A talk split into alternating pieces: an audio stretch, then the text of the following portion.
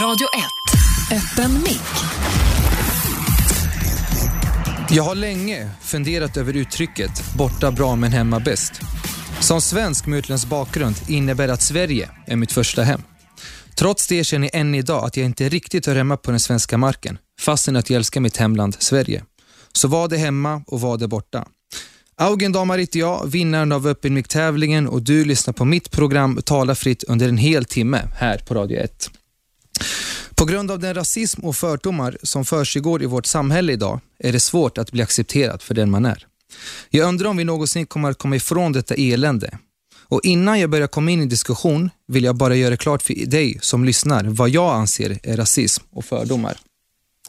Rasism är att göra skillnad mellan människor. Man skapar en klyfta för att, vi, för att markera vilka som är vi och vilka som är de andra. Det har alltså ingen betydelse om du är född och uppvuxen i Sverige. För om du är en svensk med utländsk bakgrund räknas du ändå till kategorin invandrare. Så enligt min mening handlar rasism om hur vi ser ut som människor. Det handlar alltså om vilken hudfärg vi har eller hårfärg. Enligt det svenska idealet ska vi ha vit, vid hud, blont hår och blåa ögon. Då kan vi kallas för svenskar. Ett exempel på tydlig rasism är enligt min mening då, är när Sverigedemokraten, som ni säkert inte har missat, Björn Söder yttrade sig gällande Loreens seger i Eurovision Song Contest. Han påstår att Loreen inte är svensk nog för att representera Sverige. Självklart syftar han mest på Loreens bakgrund som marockan, det vill säga muslim. Han menar att det är den andra och tredje generationens invandrare. Ja, ja så sa ju Björn Söder då, som jag citerade från hans eh, Twitterkonto. Han säger att de sakta men säkert försöker ta över Sverige. Dock försökte han slingra sig ur detta uttalande genom att säga att det egentligen handlade om det engelska språket Loreen sjönk på, vilket jag inte tror ett dugg på, och många andra. Då har jag en fråga till Björn. Hade han sagt detsamma om det vore Charlotte Perrelli som skulle vinna idag med låten Take Me To Your Heaven till exempel, som även den sjungs på engelska? Det kanske inte heller är svenskt nog. Jag vet inte hur Björn resonerar där. Alltså, varför ens uttala sig om något sånt när han istället hade kunnat säga “Wow Loreen, fan vad du var duktig, vi är så himla stolta över dig”. Vi har förstått att Sverigedemokraterna är extremt fördomsfulla när det gäller invandrare, för det enda de ser är alla nackdelar med att ha dem här i Sverige. Fördomar enligt mig är något som har uppstått av att människor inte har tillräckligt med kunskap om något och därför vill de att tro på det som sägs inom exempelvis media och på så sätt har de skapat sig en så kallad uppfattning. Tar jag Sverige som ett exempel så kan jag säga att detta beror på att en del av svenska befolkningen är lättpåverkade. För att ta reda på den riktiga faktan krävs det både intresse och engagemang som en del av er, oss svenskar med utländsk bakgrund också saknar. Det finns inte en enda människa på den här planeten, inklusive jag då, som inte har fördomar. Och det är något som alltid kommer existera i den här världen. Dock tycker jag att vi kan bättra på att dra förhastade slutsatser genom att ta reda på den riktiga faktan. Däremot tror jag att vissa fördomar aldrig kommer att förändras. Och Detta säger jag för att jag tror att vissa fördomar existerar på grund av att de får människor att känna sig lite bättre än någon annan. Att majoriteten av alla invandrare är inkompetenta och outbildade är en av många fördomar som existerar. Enligt en artikel som jag läste ganska nyligen har det visat sig att 60 procent av invandrarna är överkvalificerade för de jobb de får i Sverige, om de nu får några jobb. Om vi säger att de här siffrorna verkligen stämmer, då skulle det alltså innebära att invandrarna är mycket smartare än vad svenskarna tror. Då skulle det intressanta vara om en svensk skulle kunna erkänna detta och inte vara lika fördomsfull. Eh, enligt min personliga åsikt tror jag inte att det skulle förändra bilden av hur svenskar ser på invandrare. Och Då utgår jag faktiskt utifrån vad jag själv då har upplevt. Och Jag har många gånger hamnat i en situation där jag själv vet att jag har haft rätt gällande något, men jag har inte fått det stöd jag kanske har räknat med av kollegor. Ibland kan jag känna att en etnisk svensk aldrig skulle kunna erkänna att en invandrare eller en svensk med utländsk bakgrund faktiskt kan vara bättre än den själv. Jag har nu pratat om vad jag anser är rasism och fördomar och en av anledningarna till varför jag valde att diskutera det här ämnet i mitt program Tala fritt är för att jag tycker att det finns så mycket att ta upp och diskutera. Och det här är något som vi stöter på varje dag. Vi stöter på det på jobbet, bland grannarna, i affären och många andra situationer. Och Det är bara ett problem som måste uppmärksammas mer än vad det görs i dagens samhälle. Och jag, Augen, jag är inte mer än en vanlig människa och jag tror inte att jag kan få hela världen att lyssna på mig. Men om varje enskild individ ser till att tänka en extra gång innan de dömer en annan kan det förhoppningsvis göra en liten skillnad och det är vad jag tror i alla fall. Och Mitt syfte är att du som lyssnar ska ta till dig av vad som sägs idag och kanske ta dig en funderare. Det är alltid en början, men det är ju upp till er hur ni vill göra. Jag vet även att det finns många som kanske inte håller med om det jag säger och det är inte heller tanken att du som lyssnar ska göra det. Utan andra åsikter finns inte heller någon annan diskussion. Under min uppväxt så bodde jag med min familj i ett område där det till en början bodde fler etniska svenskar, men som senare blev en majoritet av invandrare med olika kulturer. Då den kära kommunen valde att placera de flesta nyanlända där. Och under senare tid har media uppmärksammat det här området som en plats för sossfall som enbart stjäl våra skattepengar. Och Det här har ju såklart i sin tur skapat fördomar gentemot alla i boendeområdet. När i själva verket bor familjer där som kom dit redan under 70-talet som idag är integrerade i det svenska samhället och som jobbar och betalar sina hyror precis som alla andra gör. Jag tycker faktiskt det är irriterande hur lätt en människa kan stämpla en annan bara genom att dra alla över en kam. När vi generaliserar så skapar vi även fördomar. Därför tycker jag att det är viktigt att inte döma en hel grupp människor utan istället se till varje enskild individ. Jag då, som även är syrian, får ofta höra hur det kommer sig att ni syrianer alltid kan köra runt i en BMW när ni bara jobbar som pizzabagare. Och för, bara för att klargöra det så är det faktiskt inte alla syrianer som bara jobbar i pizzerior och även om det skulle vara så att de gör det så kan, betyder det inte att de inte kan tjäna bra med pengar. I dagens läge kan vem som helst köra, ja, köra runt i en lyxig BMW eller Audi eller vad det nu kan vara. Det handlar bara om vad vi människor prioriterar i våra liv. Vissa vill tjäna bilar, andra vill bara spara sina pengar. Och med lån så kan ju vem som helst köra en lyxig BMW. Hm. När vi ändå pratar om fördomar så gjorde jag för cirka tre veckor sedan en intressant ministudie, om man nu kan kalla det för det. Min studie gick ut på att ringa ett företag som, eh, ja, för att söka praktikplats. Då. Och Det intressanta i hela studien var att jag skulle vara två helt olika personer. Den ena skulle vara en etnisk svensk vid namn Anton Strömberg och den andra skulle vara en invandrare vid namn Hamzi Ahram som behärskade det svenska språket någorlunda. Syftet med det hela var att se hur responsen skulle vara gentemot de två helt olika personerna. I mitt första samtal började jag med att presentera mig som Amzi Ahram och frågade hur det såg ut med praktik med en riktigt fin brytning också. Kvinnan i luren var snabb med att svara att det tyvärr inte fanns någonting ledigt. Jag tackade för mig och la på såklart. Och grejen är att hon var ju varken intresserad av att fråga vad jag exakt ville praktisera med eller hur länge det gällde. Cirka tre timmar senare så ringde jag till samma företag och hade turen att få prata med samma kvinna då som jag pratade med först. Jag presenterade mig som Anton Strömberg och pratade, pratade så ren svenska att jag nästan själv började tro att jag var adlig. Eh, när jag frågade om praktikplatsen så svarade hon, vad kul att du är intresserad. Varför vill du, varför vill du praktisera på just vårt företag? Och Då sa jag, jag vill se hur ni arbetar då jag funderar på att kanske jobba med någon, något liknande då i framtiden. Vänta ett ögonblick så ska jag kolla med gruppledaren, säger hon då. Hon återkommer ganska så snabbt och eh, ber mig skicka in ett personligt brev då, där jag ska förklara varför jag vill praktisera hos dem. Och Skulle det vara aktuellt så hör vi av oss, avslutar hon och vi tackar för vårt samtal. Självklart blev jag glad över responsen och tackade för mig. Men låt oss säga att jag är, jag är den här karaktären, då, Hamzi Ahram, och det gjorde, eller om det hade varit ett riktigt samtal och inte en studie då hade jag nog inte funderat så mycket på själva samtalet då jag förväntar mig att det inte alltid kanske finns någon praktikplats på varje företag. Men nu var jag två helt olika personer som varit bemötta på två helt olika sätt. Min personliga åsikt är att kvinnan i luren verkar ha fördomar mot invandrare när hon inte ens frågade mig vad mitt syfte var med praktikplatsen när jag var karaktären Hamzi. Hon ställde inte en enda fråga alltså. Men det kanske bara var en ren slump att hon inte valde att engagera sig i samtalet när jag var Hamzi Aharam då, karaktären. Eller så blev hon bara skrämd redan vid, vid min presentation. Men eh, hur ska man egentligen tolka den här situationen? Tolkningarna är många, men jag kunde tydligt känna att Anton Strömberg togs emot med betydligt mer respekt än vad Hamzi gjorde. Så man blir en aning fundersam. Jag skulle vilja avsluta den här diskussionen kring ett exempel genom att säga att fördomar skapas på så sätt att vi inte har tillräckligt med kunskap om varandra. Då Hamzi, min karaktär, påstår att kvinnan i luren är rasist så gör även honom till en fördomsfull människa. Hon kanske hade goda skäl till varför hon behandlade honom orättvist. Men hon skulle lika, hon skulle lika väl kunna vara en rasistisk person. Men det kommer vi aldrig få reda på eftersom jag aldrig ringde upp och konfronterade den här kvinnan. Och Det jag vill mena på återigen är att slösa inte din tid med att gå runt och ha fördomar om människor. Det finns alltid en förklaring till allt. Så döm inte i förväg. Häng kvar, för efter pausen Eh, kommer komikern och programledaren Özz Nujen till studion där vi ska fortsätta diskutera ämnet rasism och fördomar.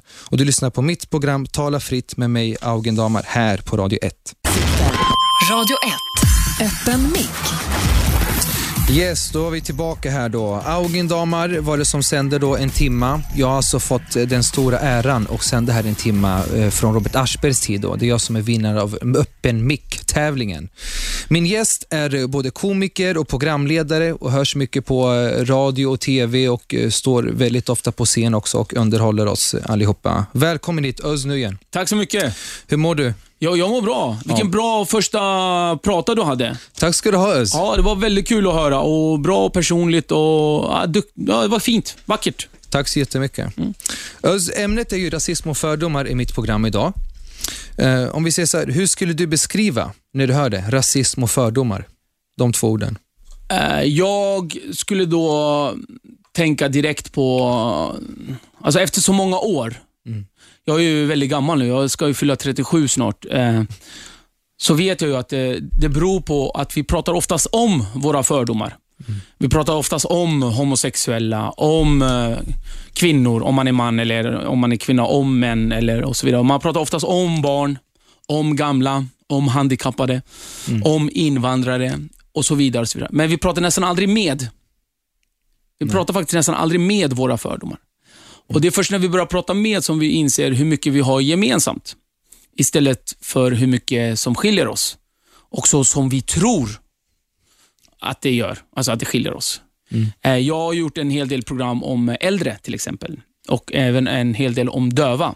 Nu kan de inte höra på det här programmet, så nu kan vi snacka skit om det nej, men jag skojar. nej, men jag menar, nej, men vi har ju pratat, eh, jag har ju gjort program om, om de döva och sådär. Och där, där känner man igen sig i väldigt mycket. Och eh, alltså, det, till slut så är vi bara vanliga, unkna människor allihopa. Med våra brister, med våra fel. Vissa har till och med bristningar. Alltså, vi är för fan inget mer än vanliga människor. Alltså, oavsett varifrån du kommer, vilken klass du har, eh, vilken eh, titel du har, vilken färg du har, vilket kön du har, vilka handikapp du har. Till slut så kommer du dö, usla människa. Du, usla människa, kommer att dö. Så gör ditt liv så behagligt som möjligt. Inte bara för dig själv, utan för de som är nära dig också.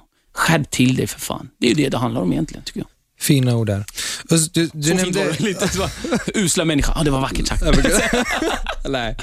Eh, skämt åsido, du sa i början att du gjorde ett program om gamlingar. Ja. Va, va, vad var syftet med ett program om ga- gamlingar? Eh, Jag tycker att vi inom vårt land har haft en hel del ålderssegregering, alltså åldersrasism, åldersdiskriminering. Eh, Det verkar som att bara man blir över 65 och får sin pension så, så duger man inte i det här samhället och då blir det väldigt konstigt tycker jag.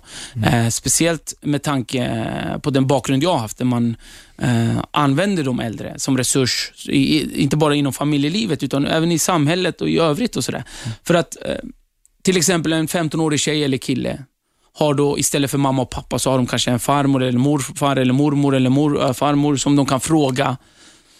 Och De har ju redan gjort alla sina misstag med att ligga fel med personer och göra fel saker och så vidare. Det finns ju en kunskap där, men samma sak också även inom arbetslivet.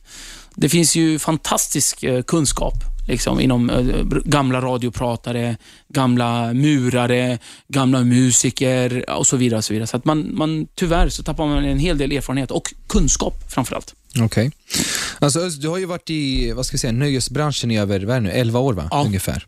Alltså, du, du, syns ju, du, jobbar ju, du har jobbat både inom radio, du gör fortfarande mycket TV, du åker ständigt på eh, grymma turnéer, liksom, du får träffa mycket folk, du är uppe i Boden, du är i Stockholm, du är överallt.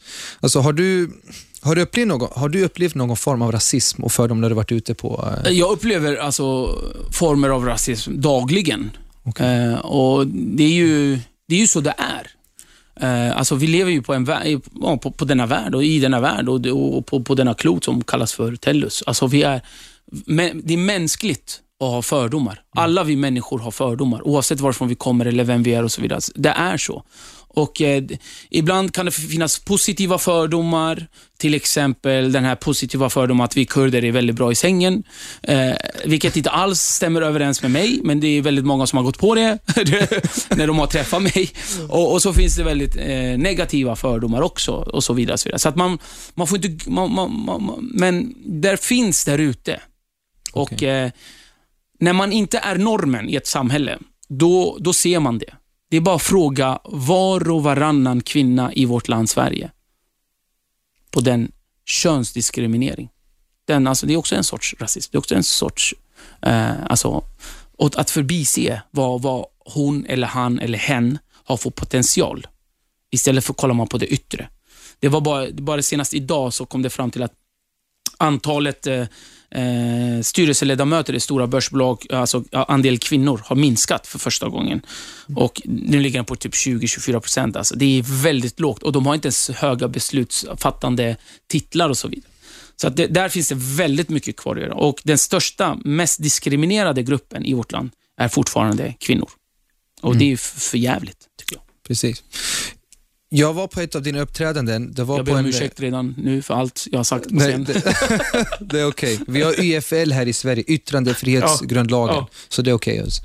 Eh, Jag var på ett av dina gig här, eh, lite mer intimare, ett, ett klubbgig i Stockholm. Och Då var det en eh, person som var väldigt full och eh, började slänga ut sig lite så här dryga kommentarer som din eh, jävla svartskalle och eh, kom, dra tillbaks där du kommer ifrån. Visst, nu har du inget land, men någonstans skulle du dra, sa den här personen. Hur, hur, hur, hur liksom jobbar du ur Hur kommer du ut i en sån situation? Vad, vad gör man? Nej, men det, det är ju bara att vara i nuet och bara vara där och ta in det. Och sen då, men man ska aldrig acceptera orättvisor. Sån är jag. Jag accepterar aldrig, jag tar aldrig skit från någon. För det är ingen som ska bestämma vad jag ska vara och vem jag ska vara och hur jag ska vara. Jag har samma rätt som vem som helst i det här landet att vara här, att verka här, att få göra det jag vill. Det är ingen som har, alltså, de har inte ens en rätten att säga så här ska du göra och så här ska du leva. För det är upp till mig. Självklart ska vi alla leva efter våra regler, gemensamma satta regler och lagar och så vidare. Men det är ingen annan som ska säga till mig hur jag ska vara. Den personen visar sig vara ja, eh, full människa som då släpper loss det sista spärren. Det sista, det sista, vad säger man, den sista gränsen för att vara anständig och så vidare. Men han eller hon var ju också väldigt ärlig. Och Det är först då det kommer fram, ens sanna jag. Det är det oftast man säger att av fullisar och barn får man höra sanningen. Vad de egentligen tycker. Och eh, ja, hon, hon, ja, han fick ju veta att han levde.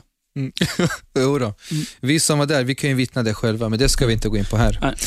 Eh, Din föreställning Öz, Dålig stämning. Ja. Eh, Du är, liksom, du är väldigt rak, precis som du är här, eh, vilket vi tycker om. Du, är, du säger liksom vad du tycker och vad du känner och det är liksom din scen, det är ingen annan som kan säga något emot dig. Du nämner där ett, ett väldigt bra exempel, där jag kommer ihåg, där du drog ett exempel hur de, till exempel om en svensk eh, gör en, liksom en stor, ett massmord, då blir det, som en, då blir det alltså som en... Eh, Ja, men det är bara att ko- kolla eh, senaste till exempel, eh, den lasermannen som sköt eh, på svarthåriga i Malmö.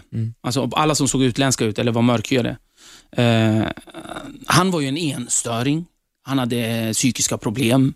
Han var ju ja, socialt instabil person. Eh, men det var ju ingen terrorist.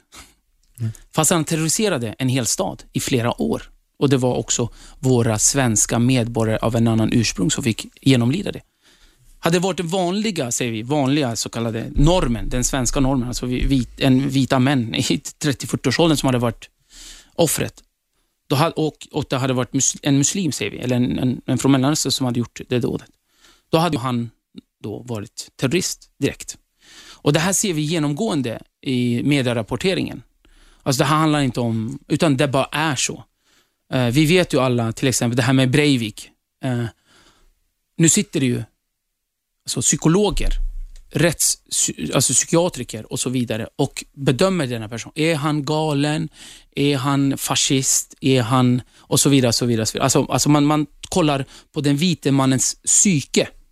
På hur eller han då tänker, varför han tänker så, vad är hans uppväxt. Och så vidare. Precis samtidigt så har vi haft 12 nu dömda män i, i, i Danmark Alltså, de, var, när, de, fick 12-åriga fängelsestraff i Danmark, de här eh, de skulle, som skulle göra ett terrorattentat mot Jyllandsposten.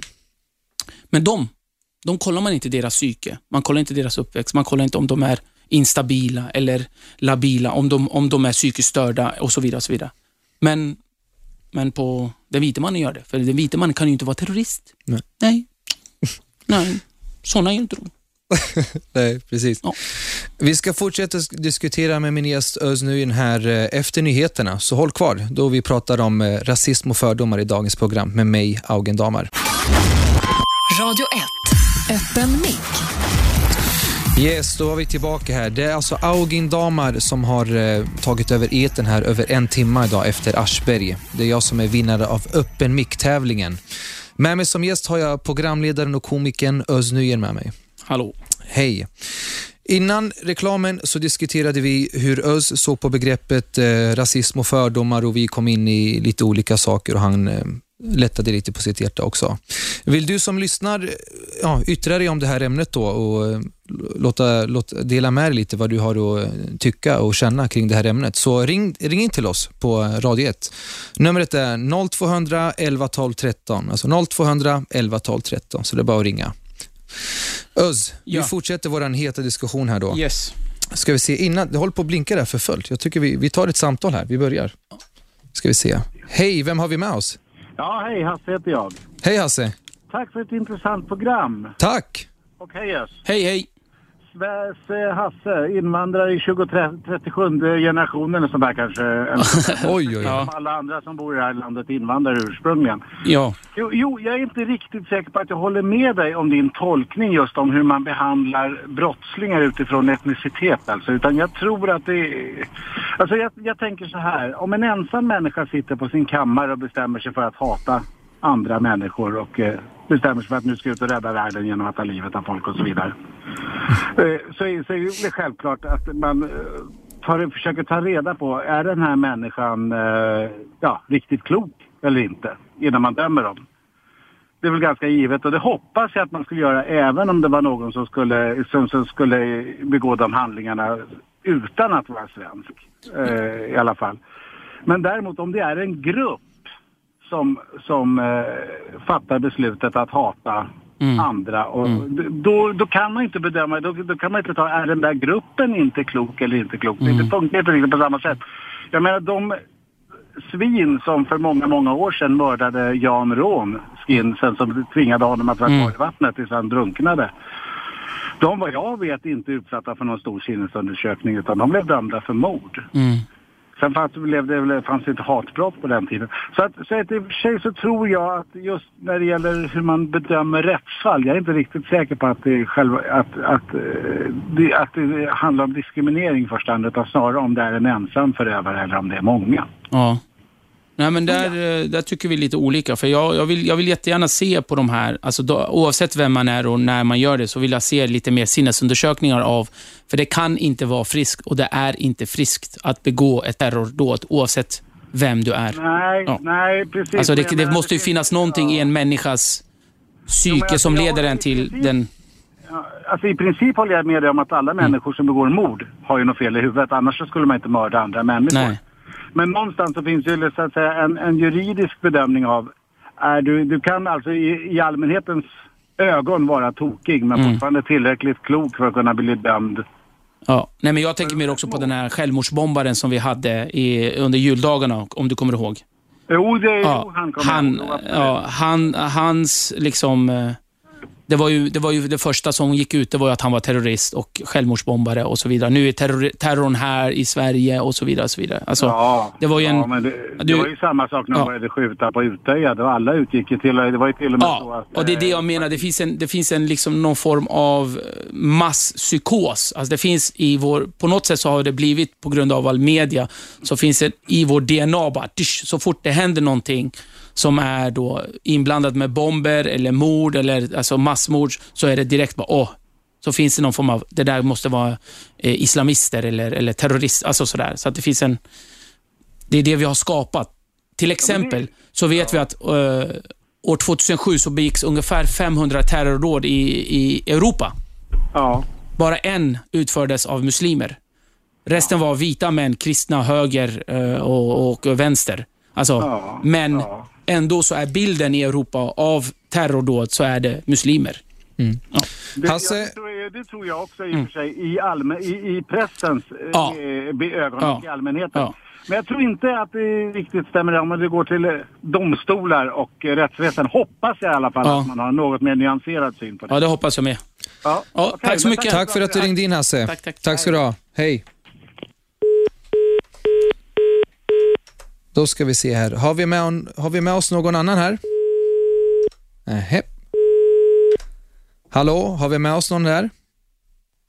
Det blinkar överallt Nej, här. det Men det blinkar, så de fort som jag galningar. svarar så bara nej. Hej, Ha, hej. hallå, hej. Vem pratar jag med? Olle pratar du med. Förlåt? Kommit in till, har jag kommit in till Radio 1? Det stämmer. Ja, då är jag live nu. Jo, jag tänkte höra om eh, den här diskussionen jag har just nu. Okej. Uh, jag tycker ni tar bra på att ta upp eh, de, eh, de positiva sakerna med, med invandring. Det finns en del negativa saker också. Vi har inte tagit upp något positivt. Jo, det har det. Nej, Vi har vi har inte diskuterat... pratat om eh, något positivt alls. Nej, i, i alla fall. Vadå i alla Det fall? jag tänkte säga, att- det jag tänkte säga Du utgår ju från en sak som inte ens stämmer från början. Ja, det jag tänkte säga är att en sak som jag upplever med, som är en fördom bland annat, det är att eh, invandrade män från, jag vet det, eh, Asien och eh, Afrika har ofta en kvinnosyn som är helt annorlunda än den vi har i Sverige. Eh, kan ni uppleva den också? Eh, hur då menar du? Hur då? Jag är, alltså jag är av kurdisk härkomst. Ja. Eh, jag har inte upplevt det från mina föräldrar eller mina farbröder eller från min, eh, Men från min jag omgivning. Menar alltså, jag menar alltså rent generellt nu. Alltså. Ja, men rent generellt. Det är ju det generella världen jag lever i. Ja. Du kan ju, liksom, det är ju den gener- generella... Men däremot har jag hört när vi är då och bastar med äldre svenska herrar, då har jag sett en kvinnosyn som är, inte är riktigt fräscht. Nej, det finns också många svenskar som har en, en kvinnosyn som är, som är helt åt helvete. Mm. Men jag det är ju väldigt vanligt, i alla fall den erfarenheten som jag har. Jag har träffat många... Mm. Ja, det är den erfarenheten du har. delen av- Ja. Mm. Då, då har jag det väldigt mycket kvinnofientlighet. Mm. Och eh, jag undrar... Jag kan bara prata för mig själv. Jag tycker att kvinnofientlighet, oavsett vem som gör det, av vem det utförs och vem som än säger så, så är det förkastligt. Ja, Jag tycker det är katastrof Jag bara, jag bara, oavsett var det görs. jag bara undrar. Ja. När folk kommer hit ifrån de kulturerna, vad får dig att tro att deras åsikt om kvinnor ändras helt och hållet när de kommer till Sverige? Men vad, vad menar du? Det, är- det är ju inte så att man förändras som människa direkt när man åker till något annat land. Vad, vad menar du? Ska, alltså, det är klart att här i Sverige så gäller svenska lagar och så vidare. Vad, jag förstår inte vad du Ja, menar. Jag menar, jag menar de, här, de här problemområdena då, som till exempel eh, Rinkeby som de hade uppe här idag. Jag är själv från Rinkeby. Jag har väl inget Ja. problem. Nej, men problemområdet sa jag. Jag det, finns, det finns vettiga människor som bor i Rinkeby också. Ja. Men jag menar som till exempel att, att tjejer ska få, som de visar i de här eh, reportaget de hade i Uppdrag granskning, du har sett det kanske? Mm. Ja. Då, då har till exempel kvinnor svårt att, att ta sig ut. Alltså svårt att gå in på kaféer så här. Kan, kan vi komma överens om att i Sverige så råder svenska lagar och normer? Alltså att det är svenska lagar som gäller? Ja, Ja. jag tycker det är okej att Ja. sådana här områden ut, utbreder sig. Nej, men det, det handlar inte om att ut... Alltså, du vet, oavsett vart du kommer ifrån, vem du än är, även om du är svensk, så söker du dig till svenskar när du är utomlands. Kolla på i Spanien, där bor svenskar för sig själva. Men det- det- och de lär, sig- alltså det finns, ja, men jag bara säger det till dig, så här, rent liksom mänskligt och medmänskligt, så söker man till de sina när man flyttar eller flyr från ett annat land. Det, är, det bara är så, så, så mänskligt som möjligt. Jag tycker, oavsett var du kommer ifrån och vem du än är, så är det fel att kränka kvinnor. Ja, Ja. ja. men jag, jag förstår att man söker sig till de, man, de som man eh, vet det, har gemensamt med. Det, det är inget konstigt med det. Men när det bildas sådana här eh, samhällen då som är liksom utanför då svensk lag. Men det finns vadå utanför svensk lag? Det är Sverige. Vadå utanför svensk lag? Ja, där är ett annat sorts Vadå? Sverige i de Nej, det är inget annat. Sverige. Det är fortfarande Sverige. Hur kan det vara ett, ett annat Sverige? Det är ju Sverige än, än, ändå. Det har inte blivit liksom något annat land där eller något. Upplever. Jag har läst i DN flera gånger. Jag har själv inte varit där. Men alltså, Nej, det är ju det som är oftast... Ja. Så du, du upplever alltså att de problemen inte finns då? Alltså problem finns överallt i världen min vän. Men problemet blir också större när du målar på folk saker som inte alltid stämmer överens. Jag vill inte känna igen mig i den verkligheten som du målar upp för att jag är inte, tillhör inte det problemet. Nej, du kan inte göra det själv. Nej, och inte du heller. Men då kan jag säga så här, varför, varför är det så då i svenska bastun? Var- Hur, varför upplever du inte det som ett problem? Varför är det så? Jag säger inte att kvinnoförakt inte finns i Sverige. Nej, men jag men, det är ju det, och det är ju i Sverige det finns. Oavsett om det är Rinkeby eller i Bromölla så finns kvinnoförtryck. Det kan vi vara överens om i Sverige. faktiskt- om du så är född i Sverige av svenska föräldrar som har bott här i tre, alltså 300 år. Då kan du fortfarande ha kvinnoförakt, det är inte det jag säger. Du, jag måste faktiskt avbryta det där. Eh, Jag får tacka för Det ditt... är vanligare Jag, när man kommer... Det är inte vanligare. Det är, det är lika dumt oavsett varifrån det kommer. ja, tack för Det är ditt samtal. lika dumt. Ja, det var ju en eh, fin diskussion det där. Vart lite Ja, varmt här. nej, men jag, jag, jag, jag tycker så här, liksom, det, blir, det blir jättekonstigt när man påmålar en grupp, en viss, en viss eh, vad säger man, en viss yttring, en viss eh, kvalitet eller en viss eh, eh, ja, så, här, så här är de. Varför är det vanligare? Varför är det så här? för Och så vidare. Så vidare. så vidare. För, för det första, vi måste gå ner på individnivå. Varje människa, alltså jag har lika lite att göra med en annan kurd som jag har med en annan svensk. Jag har kanske mer gemensamt med en transperson av svenskt ursprung än en kurdisk man i samma ålder som jag. Alltså, det är det vi måste, men jag är fortfarande kurd och så vidare. Det, alltså, alltså, vi måste börja inse att man kan inte bara påmåla, det här, såna här är de och varför är det så? För att problemet är i Sverige, i vårt land Sverige. Det är det vi ska lösa. Det handlar inte om vem eller vilka som gör det. Det handlar om att hur vi ska lösa det. Det finns ett kvinnoförtryck i Sverige. Det är ju, det är ju inte samma förtryck som det finns i Iran. Vi ska vara jävligt glada att, vi, att kvinnorna i, i Sverige inte är, bor i Iran, för där är de värda 50%. Här i Sverige är de värda 80%. Det är bara att kolla era löner tjejer. Alltså, det finns fortfarande, förstår ni? Det är det vi måste gö- göra. Och oavsett från vem och av vilka förtrycket kommer, så ska vi sätta stopp för det. Det är det som är själva Men, grejen. men alltså, kolla, jag, jag, är ju, jag är ju syrian i grund och botten, men vi bor ju här i Sverige och du är, du är kurd och bor i det här landet. Alltså, tror du att jag och du kan göra någonting för att liksom, om man säger, Såklart. för? Vad kan jag och du göra? Det gör vi nu. Jag säger Ja. att det inte är okej. Alltså, Ja. Såklart vi gör det. Genom att vara de vi vill vara. Genom att göra det, alltså, vi ska inte bara prata, utan vi ska agera ut efter det också. Mm. Det handlar inte om att, eh, du vet, oavsett vem du är, så ska du, när orättvisor sker, så ska du fan stoppa det. Det är inte okej någonstans. Nej. Du kan inte göra alla strider, självklart. Det kan ingen människa, men där du är och där du kan vara en bra människa, där ska du vara det. Såklart. Precis, det stämmer. Vi ska gå över till eh, paus, men eh, stanna kvar för jag och Öz kommer fortsätta diskutera ämne, ämnet eh, rasism och fördomar. Vi ses snart. Radio 1. Öppen mick. Yes, då var vi tillbaka här då igen. Augin Damar bakom eten här idag som är vinnaren av Öppen mick-tävlingen alltså. Men eh, ni som har saknat Aschberg, han kommer tillbaka imorgon som vanligt 15 till 18. Öz, det var ju Sveriges nationaldag igår, den 6 I förrgår. juni. Ja, för, I förrgår, ja, ja. Ja. Jag skojade bara. Ja. Skulle kolla så att du var med. Ja, Bra. jag är alltid med. Hur firade du din nationaldag här? Eh, jag var i Vårby gård och eh, körde stand-up och tal till nationen. Eh, Okej. och eh, Det är så vackert att se alla dessa barn med, vifta med svenska flaggan och känna sig svenska och, och så. Men det finns en, eh, en liten, eh, vad ska man säga, brasklapp där. Och Det är ju att eh, det börjar bli allt mer i vårt land att man säger så här, ja, man ska vara svensk. Om man ska vara svensk. Och jag är ärlig med att säga, jag flydde inte till Sverige för att bli svensk. Många med mig flydde för att, sådana som jag, alltså jag då, jag flydde hit för att kunna fortsätta få vara kurd. Det var därför vi flydde från Turkiet. För att i Turkiet än idag så förtrycks kurder. Och vi får inte prata vårt språk och så vidare. Så flyr man till ett demokratiskt land där man får vara sig själv. Det är därför man flyr. Och Det blir allt mer i vårt land så att ja, Eh, antingen är man svensk, så är man inte svensk och då är man mindre värd. Alltså det blir jättekonstigt om vi då lägger upp den här. Uh, till exempel, är en svensk mer värd än en amerikan?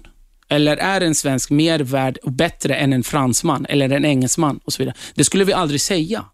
Men vi, så fort det handlar om folk från Mellanöstern, eller Afrika eller Asien så börjar man prata i de termerna. Och Det är väldigt farligt och väldigt konstigt. Och Det är ingen annan människa som har rätten att säga till mig vad jag ska bli, vad jag ska vara och hur jag ska känna mig. Jag, kan, jag är kurd, men jag bor i Sverige och älskar Sverige och är svensk medborgare. Och Det är jag glad och stolt över. Och Jag blir inte mindre värd eller mindre svensk i folks ögon, tycker jag. Det ska inte behöva vara så. Men nu är det så. Men det är ingen... Och Jag tycker också det blir jättekonstigt när vi dansar efter ett parti som har 5% 95% av de som valde är inte rasister eller har inte främlingsfientliga åsikter. Vilket är samma sak, tycker jag. Mm. Özz, jag nämnde tidigare i mitt program um, om att det, alltså det spelar ingen roll om du är född och uppvuxen här i Sverige. Uh, du har ju fortfarande utländsk bakgrund. Alltså det spelar ingen roll. Liksom. Du har bott här i 37 år nu, är född och uppväxt här och ätit falukorv och 28 allt sånt där. 28 år. 28 år, Ja. precis. Uh, alltså du räknas, ju då, du räknas ändå till kategorin invandrare. Ja. Hur, ja, Jag slutat vandra för länge sedan. Okej. Jag slutade vandra för 28 år sedan. Ja, Och det måste de fatta. precis. Ja. Nej, men, eh, jag, tänkte, jag nämnde också det här med, med Björn Söders Ja. uttalande. Då, för jag såg på eh, din uppdatering att du, du hade också kommenterat det där. Ja, Vad det- säger vi om en eh, man Nej, som Björn Söder? Nej, men alltså, det visar ju på hans inre vad han egentligen tycker. Och Det är vad väldigt många sverigedemokrater innerst inne tycker. Och Det får vi inte glömma. Sen kan vi liksom förskjuta ordet rasism och göra det mer fint och säga främlingsfientligt och sen säga främlingskritisk, invandringskritisk och så vidare. Men i slutändan så handlar det om att se på människor med fördomar, med rädsla och säga det där är sämre, det där är värre, det där är mycket dåligare än vad vi har. Alltså, det är det som är själva grunden. Att bemöta en främling med rädsla, med kritik, med, med, med fördomar, det är ju inte schysst. Det har aldrig varit schysst. Det är ju som att börja en, eh, en, en, en, en bil, eller alltså, förstår du? Börja, börja en resa och bara säga nej, allt är dåligt, allt är för jävligt istället för att börja. Liksom. Man ska vara öppensinnad, tycker jag. Ja, absolut. Vi ska ta ett samtal till här. Det är jättemycket folk som ringer in, eh, ringer in till programmet, vilket vi tycker är jätteroligt. Ska vi se. Har vi någon med oss? Nej, det har vi inte. Ska vi se. Hallå, är det någon där? Ja, det är Jari. Hej Jari, hur är läget? Ja, det är bra. Vad härligt. Jag ska stänga av röret. Ja. Ja, det jag, jag är utlänning alltså, värsta sorten, kan man säga, finne. Ja, ni är ju flest i Sverige i alla fall. Ja, om du tittar eh, vad finne betyder i ordboken, Svenska Akademiordboken, där står det varböld. Ja, Det är trevligt varje gång. men det är egentligen rätta termen är ju finländare. Det stämmer bra, Ja. men eh, fin jävel, det är den rätta termen. Vad hade du på hjärtat Jari? Jag hade här var att eh, alla människor har lite fördomar mot alla, eller något. Så är det. Absolut. Så är det. Sen är de här givetvis mest högervarande människor som eh, berättar öppet att det är just att de ser rött när de ser svart. Mm. Och det här biten va. Det är jobbigt, det är jävligt jobbigt för eh, det är ofta o, omöjligt att obota sådana eh, tankar. Mm.